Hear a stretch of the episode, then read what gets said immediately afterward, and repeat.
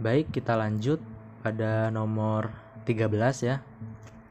Uh, dengan pertanyaan bagaimana analisa rumah makan prasmanan seperti warteg di mana perhitungan makan ada di akhir. Apakah objek jual fikih memenuhi kriteria?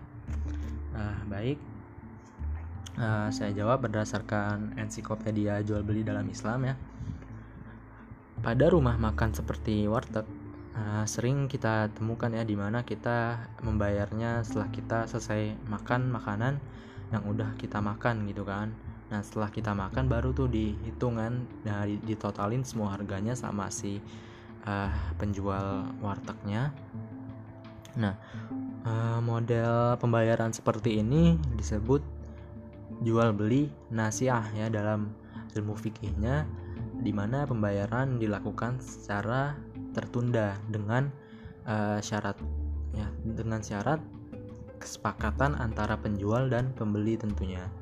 Maka hal itu diperbolehkan dan memenuhi kriteria objek dijual fikihnya.